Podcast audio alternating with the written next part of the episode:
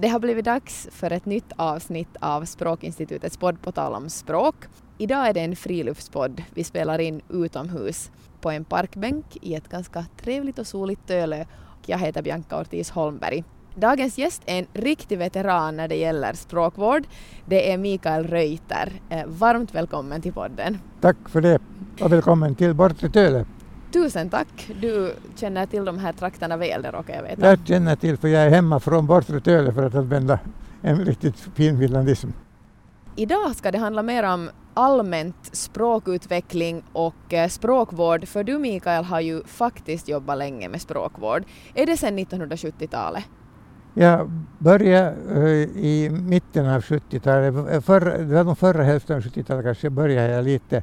Men sen när, när Forskningscentralen för de inhemska språken, som den hette då, alltså numera Institutet för de inhemska språken, när den uh, kom till Eh, den 1 mars 1976 så var jag då den första svenska språkvårdaren där.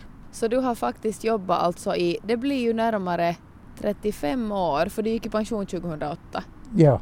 Så det är ett enormt långt perspektiv och under den här tiden så skrev du Reuters ruta i Hufvudstadsbladet. Ja. Det är kanske det, jag vet inte, men det är kanske det du är mest känd för, att du är Reuter i Reuters ruta. Det blev faktiskt hela 753 rutor. Hur du har räknat den bra. Ja, no, jag, jag måste ju avslöja att jag har inte räknat men jag har läst din sista ruta. Okay. Och där är det du som har räknat dem och berättat hur många okay. de var. Och, och de började du skriva 1986. Och faktum är ju att du fortsatte med de här rutorna till 2013, så också ja. efter din pensionering. Ja. Du skriver om allt tänkbart och jag funderar ibland att om man nu skriver 753 språk, språkspalter så varifrån kommer inspirationen och idéerna?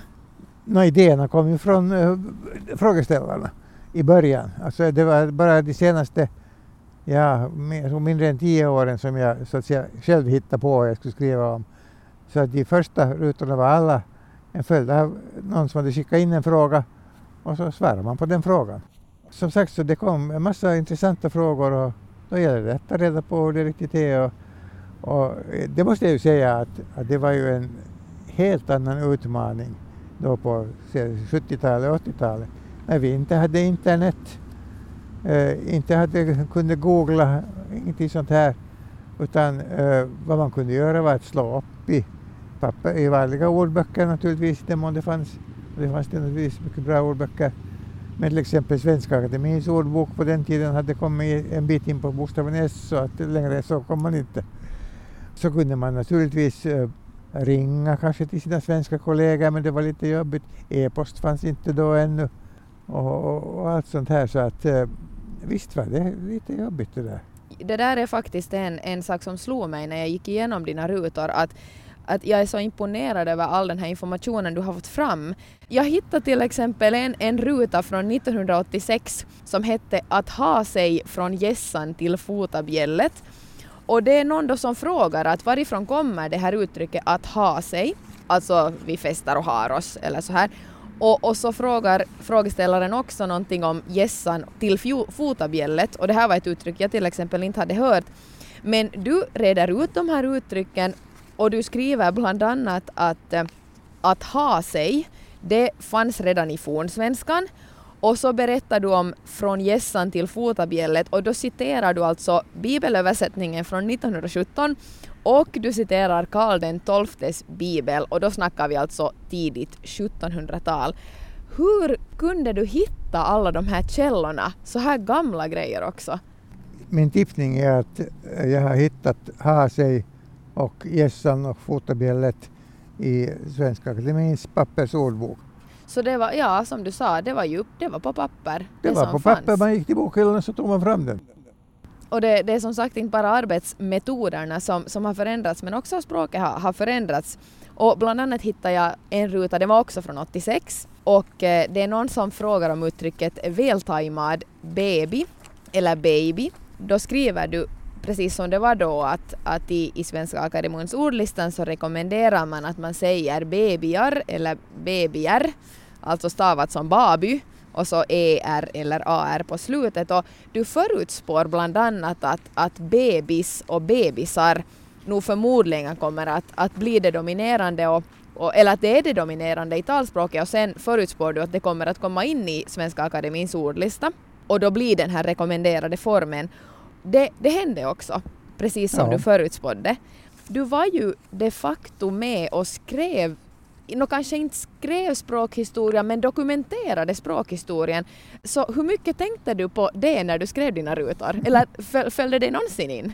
Ja, på sätt och vis kan man säga det. Och, och nu var det ju i princip så att man, man uh, skrev rekommendationer, eller jag skrev rekommendationer och mina kollegor i Sverige på samma sätt. Och, och, och det spreds på olika sätt. Jag menar, de här språkspalterna var ju ett viktigt sätt och det, Bertil Molde hade sina språkspalter, sina radioprogram och så vidare. Visst föreslog man och just det här med, med bebis till exempel så det var nog språkvårdare både i Sverige och Finland som gemensamt kom med den här rekommendationen. Det fungerar bäst på det viset. Visserligen tycker man att aj, men bebis i singular, det är ju ett S, det är ett pluralord.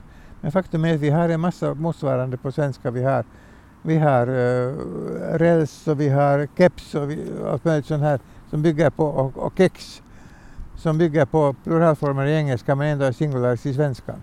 På, på amerikasvenska, det har aldrig spritt sig till Finland men, men så heter bil KAS. Jaha, ja. KAS? Ja, de talar om KASin. Jag var ju på en expedition till äh, Amerika 1971 tillsammans med Lars Schuldén och ett par andra. Och, och då höll vi på i nästan tre månader och, och forska, eller spela in äh, intervjuer med Amerika, finlandssvenskar och studera deras språk. Så Kasin var liksom helt självklart. Språket ska utvecklas så att det blir ett funktionellt språk. Alltså det, det viktiga är inte att det ska vara som det alltid har varit, utan det viktiga är att det ska vara funktionellt, det ska vara lätt att använda, lätt att förstå och så vidare. Och, det ligger bakom mycket av det här också, hur vi använder främmande ord och, och så vidare. Och samtidigt så eh, är det ju så att att en, en del av detta med det funktionella är att vi får inte tappa kontakten med det gamla språket heller. Jag menar, vi ska inte helt och hållet låta det bli hur mycket som helst. Så att vi, ska, vi ska inte godkänna allting och, och vi ska lite sätta på bromsen där. För att man ska ändå kunna ha en kontakt med det gamla språket. Så det måste finnas ett slags balans? Det måste finnas säga. ett slags balans, ja. Men man kan inte liksom säga stopp, nu, nu ska vi inte göra, tillåta några ändringar mera. Du var ju inne på det här äh, med, med lite motstånd mot förändringar och alltså en ständigt aktuell fråga det är ju definitivt lånord och i dagens läge speciellt engelska för att engelskan är ett så oerhört starkt språk globalt och vi ser det i svenskan och det skriver du bland annat om Eh, i slutet av 80-talet och redan då hade det börjat, det har ju fortsatt, fortsatt med nya lånord. Och det här var också 1986 då du svarade på en fråga där frågeställaren tycker att, att vissa engelska ord är helt onödiga. Bland annat sånt här som swimmingpool istället för badbassäng eller Lisa för hyra chartra för befrakta och kidnappa för bortsnappa som frågeställaren då föreslår. Och här skulle jag vilja citera vad du skriver. För du skriver så här om, om eh, lånord i allmänhet och här börjar ett citat. Svenskan hör till det språk som i alla tider flitigt har lånat in ord från andra språk under medeltiden var det framförallt det tyska inflytandet som var omfattande. På 1700-talet fick vi in stora mängder av franska ord, av vilka en del senare har fallit ur bruk, och idag är det framförallt engelska ord och uttryck som tränger in i vårt språk, liksom i de flesta andra språk. En sådan utveckling är på både gott och ont. Ordlån är ett sätt att berika ordförrådet och en svensk text av idag skulle bli åtskilligt reducerad om vi strök alla ord som lånats in sedan fornsvensk tid.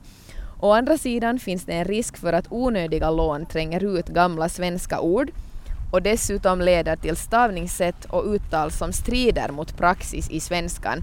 Ett överdrivet bruk av främmande ord kan också vara odemokratiskt. Det leder till svårigheter för dem som inte behärskar de långivande språken. Den gyllene medelvägen är alltså att vi lånar in främmande ord när det behövs, men bara när det behövs. Citat slut. Är det här en inställning som har stått sig skulle du säga genom alla dina år som språkvårdare? Absolut, absolut ja. Och sen tror jag det är viktigt också det när det gäller engelska, kanske nu inte i hundra procent av fallen, men i varje fall att man precis som när det har gällt i andra språken så anpassar man stavningen till svenska. Så det, vi var inne på den vältajmade babyn där och tajma skriver man då T-A-J-M-A därför att skriver man Tima så vet man inte hur man ska uttala det på svenska. Nej, Och det finns ju en massa andra motsvarande. Ja, vi skriver fall. tape som Tape, T-E-J-P. T-E-J-P till exempel. Ja. Ja. Så, så nämner du också till exempel i den här spalten att, att jo, det finns, det finns liksom en del så att säga onödiga lånord i den meningen att vi har svenska motsvarigheter, men så finns det andra som inte nödvändigtvis är riktigt samma sak. Till exempel då att kidnappa och det här som frågeställaren föreslår, bortsnappa, inte nödvändigtvis är, är liksom Nej, riktigt nej. samma. Sen måste vi ju helt enkelt ta upp det här med en av de största förändringarna som har skett i svenskan i modern tid och det är ju att vi faktiskt har fått ett nytt pronomen. Hen har blivit en etablerad del av, av språkbruket och det finns också i Svenska Akademins ordlista. Det har förmodligen kommit för att stanna. Då har jag hittat, så du, du har faktiskt skrivit om hen, du har, du har nämnt det och det här var redan 1991. Jaha, Ja, för du har fått en fråga då av en person, helt enkelt om hur man hänvisar Ja. till personer när, när kön är okänt Ja. eller så här. Du ger diverse råd då, och sen så avslutar du, om jag citerar, det har någon gång diskuterats att man skulle införa ett nytt könsneutralt pronomen, till exempel hen, liksom finskan har sitt hän. Ett andra alternativ vore att börja använda den också om personer, men sådana ingrepp har föga chanser att slå rot i det naturliga språkbruket. Och svenskan är ju ingalunda ensam om att sakna ett könsneutralt pronomen i tredje person singularis. Tvärtom hör finskan och dess släktingar till undantagen i språkens värld när det inte särskiljer mellan han och hon. Citat slut. Och det här var då november 1991 och det var ju nog ganska långt senare, 2012, som hen ganska plötsligt slog igenom. Men eh, kommer du ihåg hur diskussionerna gick eller om det alls diskuterades det här hen-alternativet eller ett könsneutralt alternativ då från 70-talet fram tills du gick i pension? ja, inte på 70-talet, det var nog då ungefär på 90-talet som det blev aktuellt. Då. Och vi var nog alla ganska skeptiska. Och Jag måste säga att eh, själv var jag egentligen skeptisk och ganska negativ till henne ända fram till just ungefär 2012-13 när jag sen slutade skriva mina spalter. Så jag har faktiskt aldrig tagit upp det i mina språkspalter. Jag, har- jag har inte vågat göra det. Nej, det var ganska, det låg ju och vägde då. Ja, det, det låg och vägde och man, man tvekar lite och, och så här men numera tycker jag att det är ganska praktiskt egentligen. Det, visserligen är det ju lite jobbigt det där att man har han och, och hon och hen. Och det finns väl inga annat språk som har det på det viset. Det kan hända. Ja, vad jag vet i varje fall. Men eh, okej, varför inte vara bättre än alla andra språk? när du säger att du var skeptisk så det fanns ju på sätt och vis ganska goda grunder till det för att, för att pronomen är en så kallad sluten ordklass där Ja. man liksom inte räknar med att det ska Nej. komma nytt. Nej. Det är inte som substantiv där det, kommer, det väller in nya. Så, så det här är otroligt intressant och dessutom så, så skriver du, en gång nämner du också bara att, att en ibland har använts istället för man och det finns ju dialekter till exempel. Det här var 1986, men kunde du då tänka dig att en faktiskt småningom också skulle börja komma in så här i, i andra än dialektala sammanhang? En borde inte sova när natten faller på. Precis, det skrev du i En borde se på stjärnorna, en borde vara två. Men eh, jag är nog, där måste jag säga att jag fortfarande är negativ och skeptisk. Jag tycker inte, för jag tycker att man i den här betydelsen, allmänna betydelsen, det är inte ett maskulinum, det är inte liksom män det handlar om. Det råkar vara samma ord. Men jag tycker nog att, att och jag vet att det är många andra som har kommit med mycket klara och starka argument mot att börja gå över till en där. Hörde du någonsin något av de här, alltså hen eller en, faktiskt användas? Nej, nej, nej. Och det var länge ännu in på, in på, på, på 10-talets början, ska vi säga, som eh, språkvårdarna tyckte att det är snarare den man borde använda då. Att man skulle utvidga betydelsen av den. Men det, det är ju det att, att, att eh, det är inte så långsökt för att eh, eh, man använder ju den i, i sammanhanget den som. Den som gör det och det gör det och det. Och då, då kan den göra så. Hurdan läsarrespons fick du på, på dina rutor? Jag mäter bara positiv. Det var ju inte så många som skrev. Det fanns ju inte e-post, de kunde ju inte skriva till mig det, i, början, i början. Sen kom det ju mera på det viset. Men, men eh, jag har nog ingen minne av att jag skulle ha eh, fått negativ respons. Och överlag har ju finlandssvenskar ett ganska stort intresse för sitt Ja, språk. Ja, Märktes det i frågorna på något sätt? Det märktes det ju att det var frågor av alla de slag och folk var verkligen intresserade. Här kanske du som lyssnar nu har undrat när ska de komma till finlandismerna? Han har ju skrivit så mycket om dem och eh, det kommer du att få höra om i nästa avsnitt för då ska vi tala bara om finlandismer. Det är Mikael Reuter och Charlotta Hellström Reijonen som också har forskat i finlandismer som kommer att vara med då. Men nu så tackar jag dig Mikael så mycket Tack. för den här tillbakablicken på, på språket och språkutvecklingen. Och du som lyssnar får jättegärna gå in och söka upp de här 753 Reuters-rutorna för de finns alla publicerade på Språkinstitutets webbplats. Den hittar du på sprakinstitutet.fi.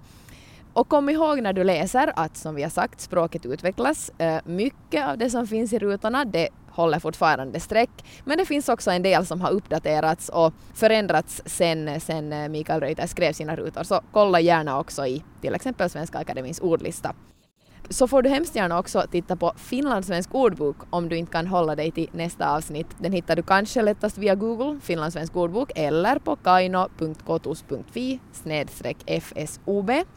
Mikael Reuter har också skrivit en bok som heter Så här ska det låta. Den hittar du som e-bok, så bekanta dig gärna med den också. Nu tackar vi så mycket för oss. Det här var På tal om språk med mig, Bianca Ortiz Holmberg och Mikael Reuter.